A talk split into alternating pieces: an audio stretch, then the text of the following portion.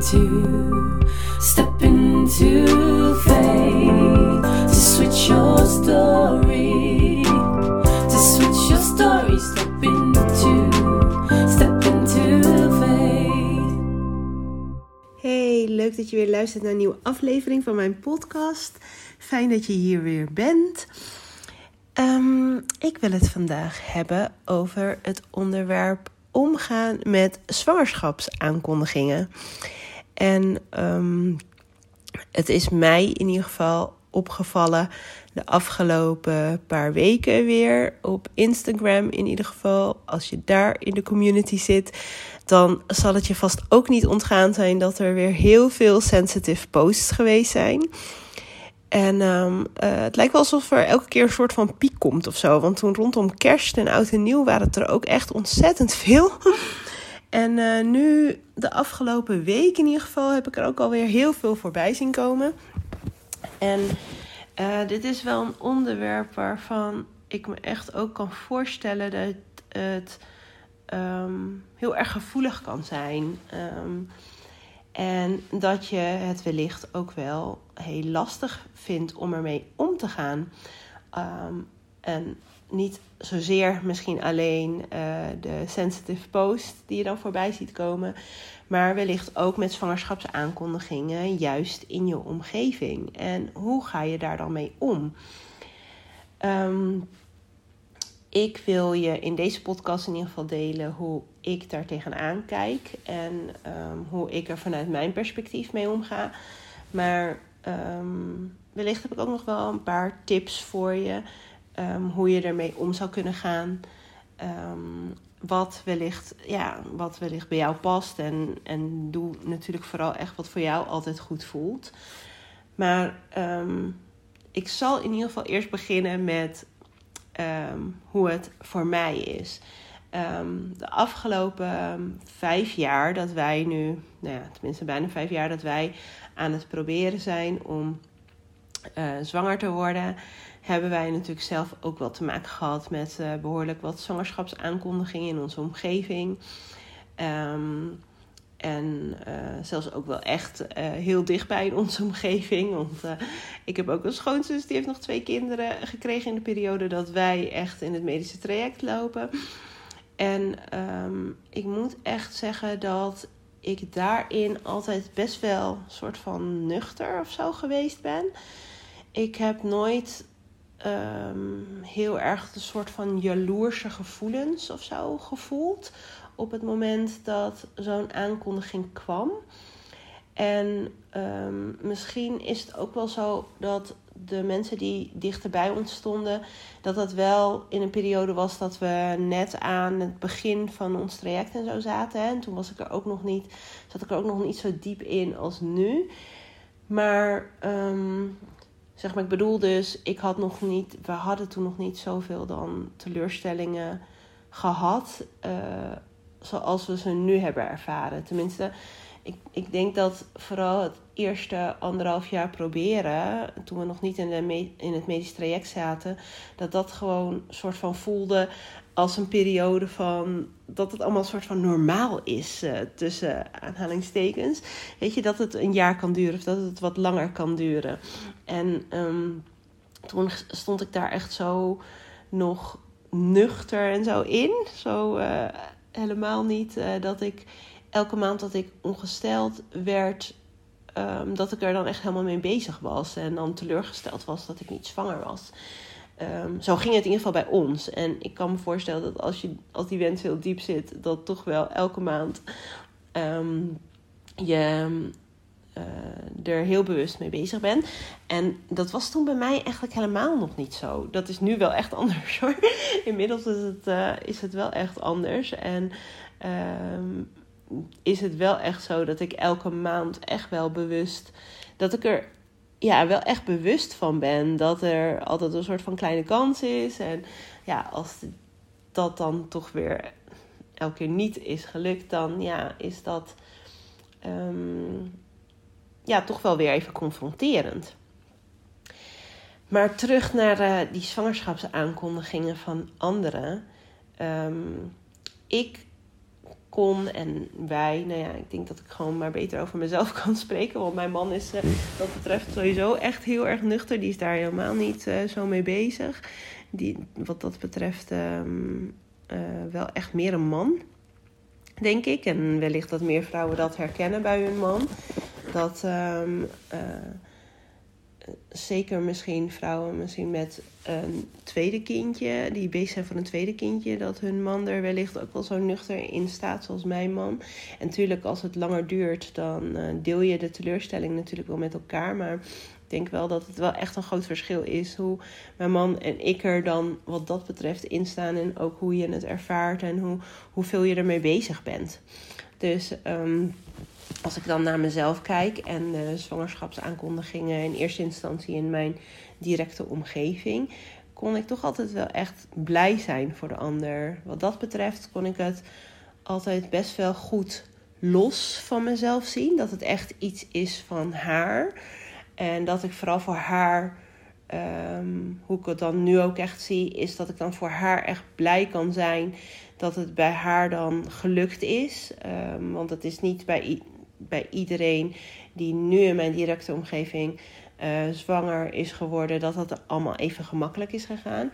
Maar als dat wel gemakkelijk is gegaan, dan ben ik alleen maar blij dat het zo, zo gemakkelijk afgaat. Omdat ik natuurlijk ook heel goed weet hoe het is als het niet gemakkelijk gaat. En ik gun dit gewoon niemand. En ik denk dat jij als wensmama, als je dit hoort, dat je dat waarschijnlijk ook zo kan voelen omdat je juist heel goed weet hoe het is om dit traject te doorlopen, om elke maand die teleurstelling te voelen. Dat je, um, dat, je dat de ander ook gewoon echt niet gunt. Dus wat dat betreft, ja, kon ik altijd heel goed, uh, kon ik echt wel oprecht blij voor de ander zijn. En heb ik, er, heb ik het zelf nooit echt als een heel erg last ervaren als ik een zwangerschapsaankondiging kreeg. Um, maar nu is het natuurlijk wel zo dat ik heel goed begrijp dat als jij gewoon al een langere tijd probeert om zwanger te worden, en wellicht zeker voor als het een eerste kindje is, um, en je misschien wel begin 30 bent, er in je omgeving alleen maar um, mensen zwanger worden. Want ja, eh, vooral uh, eind 20, begin 30 in die leeftijdscategorie. Um, dan, um, dat, zijn, dat is de periode van de bruiloften en dus ook de zwangerschapsaankondigingen, de baby showers. Al dat soort dingen, dat, dat komt dan nog veel meer voor. En um, ik kan me echt wel voorstellen dat op het moment dat het bij jou dus echt wel langer duurt, of dat je nu gewoon echt al een aantal jaren in het traject zit, dat je soms misschien ook wel echt die gevoelens kan hebben, juist wel van jaloezie. Of dat het heel vooral een soort van mixed feelings zijn. Dat je aan de ene kant heel blij wil zijn voor haar, voor je vriendin, voor je zus, voor je nicht, voor, uh, voor wie het in je directe omgeving ook uh, geldt. Dat je voor haar eigenlijk heel blij wil zijn, maar dat je het jezelf ook zo erg gunt. En dat je ook heel graag een keer wil dat jij diegene bent die die sensitive post mag plaatsen of die uh, de aankondiging mag doen binnen de familie. En, um, uh, en die gevoelens, die mogen er zijn. En ik denk dat dat iets is wat je in je achterhoofd mag houden. Is dat dat, um, dat, dat heel normaal is. Dat dat in je opkomt. Dat dat uh, en bij de een is het misschien sterker bij de ander. Weet je, zoals ik dan aangeef bij mij, had ik dat, ik had dat zelf nooit echt heel, dat ik heel erg die jaloerse gevoelens voelt. Maar ik kan me echt wel voorstellen dat je die wel voelt. En als dat zo is, accepteer ze dan ook. Het is oké om je zo te voelen. En um, als je het uh, wellicht wat lastiger vindt om het uh, om, dat, om dat te uiten naar je vriendin of je zus of wie het ook is die de zwangerschapsaankondiging doet. Um, probeer wel dicht bij jezelf te blijven en je gevoelens uit te leggen. Want door open te blijven communiceren, eh, hou je denk ik ook je relatie sterk. Zeker als het iemand is die dichtbij je staat. Dan weet diegene waarschijnlijk ook wel waar jij mee te dealen hebt. En dat dit. En misschien is het voor haar juist ook wel. ehm, juist ook heel moeilijk om, om dit nu aan jou te vertellen. Dat, ehm, dat zij wellicht heel gemakkelijk zwanger is geworden. Terwijl ze weet dat jij. ehm, deze, dat deze wens zo diep zit bij jou. Ehm, dus hou die communicatie open. En ik geloof gewoon heel erg in dat als je communicatie open houdt, dat dat de beste manier is om je relatie sterk te houden met die vriendin of met je zus. Dat je ehm, eh, bijvoorbeeld echt kan aangeven met: Ik ben blij voor je, maar ik heb ook deze gevoelens. En leg dat uit. En ik geloof gewoon heel erg in dat als je relatie sterk is en je dat vanuit jouw gevoel uitlegt, dat dat nooit echt verkeerd kan zijn. Ehm, als er een beetje empathie zit in diegene, dan zal ze het begrijpen. En dan zal ze je hopelijk ook een beetje de ruimte geven dat het oké is om dat te mogen voelen. Dat ze natuurlijk ook wel hoopt dat je natuurlijk blij voor haar bent. En dat zal je ook heus wel zijn. Want als dat iemand is waar je van houdt, natuurlijk ben je dan ook blij voor haar dat, dat het haar wel gegund is. Ik, ehm, ehm, ik hoop dat eh, als je dit nog een lastig onderwerp vindt. En als het wellicht regelmatig bij jou in de omgeving op dit moment uh, wellicht voorkomt. En dat je het lastig vindt om ermee om te gaan. Dat je uh, de moed hebt om je gevoel uit te spreken. En dus ook aan te geven bij degene als je het dus wat moeilijker vindt. En um, dat je daardoor bijvoorbeeld die baby shower of een kraambezoek wellicht wel iets uitstelt. Of um, dat je wat dat betreft echt voor jezelf durft te kiezen. En durft aan te geven bij degene als het wat lastiger voor je is. Je, ik geloof gewoon echt dat de door, doordat je dus uh, open communiceert, de ander wellicht ook minder snel zal je zal veroordelen of zo. Want die gevoelens die jij hebt, die, um, die mogen er gewoon zijn. En um, op het moment dat jij ze gaat proberen weg te stoppen, ja, dan gaat dat jou zoveel energie kosten. Dan geeft het je heel veel negatieve energie. Um, en dat zal het waarschijnlijk ook gewoon nooit waard zijn. Dat is niet waar je heen wil. Dus um, als die gevoelens er zijn, laat ze er zijn. Ben je verdrietig? Dat mag. Je mag ook verdrietig zijn. Want die gevoelens zitten gewoon zo ontzettend diep dat je, dat je ook zo graag dat kindje voor jezelf wil hebben. Of dat tweede kindje van, je, van jezelf. En dat jij die aankondiging een keer mag doen. Dus als het voor jou op dit moment niet goed voelt om naar het kraambezoek te gaan, of als het voor jou niet goed voelt om naar die baby shower te gaan, of naar um, een kraamfeest of iets dergelijks. Um, kijk gewoon per keer of iets wel of niet kan en um, geef het eerlijk bij diegene aan. En dan hoop ik uiteraard als jij je dus kwetsbaar op durft te stellen en je gevoelens durft te uiten, dat je daar ook begrip voor terugkrijgt. En um, ik kan me ook wel voorstellen dat er wellicht mensen zijn die dat niet ervaren vanuit de omgeving, dat er geen begrip is. Maar ik hoop eigenlijk dat als je duidelijk je gevoelens blijft communiceren. Um, en je wellicht ook wel ergens in haar positie kan verplaatsen. Als je die empathie zelf ook wel misschien voelt. Van hoe dat je dat ook wel ergens wel kan indenken hoe het voor haar is. Dan kun je er altijd samen uitkomen. En ehm, eh, het, het zal daardoor eh, voor jou wellicht wat lichter voelen. En eh, steeds ook iets gemakkelijker worden. En door dit ook steeds vaker te doen, zal het ook steeds gemakkelijker worden. En ehm, er is een hele community op Instagram. er zijn genoeg lotgenoten. Als je het bij iemand kwijt moet die je echt begrijpt, zorg dat je daar iemand voor vindt waar je mee kan praten, bij wie je dat die gevoelens die je misschien niet direct zo durft te uiten, dat je die wellicht wel bij een lotgenoot, bij een andere wensmama kwijt kan. Die weet gewoon precies hoe jij je voelt. En dan mag je in principe gewoon alles aangeven wat je voelt. Want daar heb je iemand die jou echt begrijpt vanuit de knowing versus de knowledge. Wat ik elke keer ook uh, zeg. Echt het echt weten doordat ze het zelf ervaart.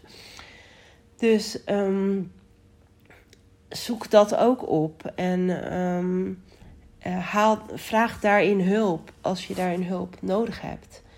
Um, maar blijf altijd je eigen gevoel volgen. Ik zeg het elke keer weer het komt elke keer weer terug, denk ik, in mijn podcast. Ik luister ze namelijk nooit terug. Maar volgens mij komt het wel uh, regelmatig terug dat ik het zeg. Blijf je gevoel volgen. En dat is hierin, denk ik, ook zo belangrijk. Want op het ene moment voel je je wellicht goed. En kan je het echt allemaal prima aan. Um, Doordat je je goed voelt, doordat je mentaal op dat moment gewoon heel sterk bent. En dan kan je die zwangerschapsaankondiging aan. En kan je gewoon helemaal blij voor haar zijn. Op een, en op een ander moment komt het misschien net op een heel slecht moment. Op een moment dat jij net um, enorm verdrietig nieuws hebt gekregen. En dat de ander juist heel mooi nieuws krijgt. Um, en heel blij is met haar nieuws, wat zij ook kwijt wil. En um, uh, het is dan ook ergens logisch dat je dan op dat moment het misschien niet op kan brengen om oprecht echt heel blij voor die ander te zijn.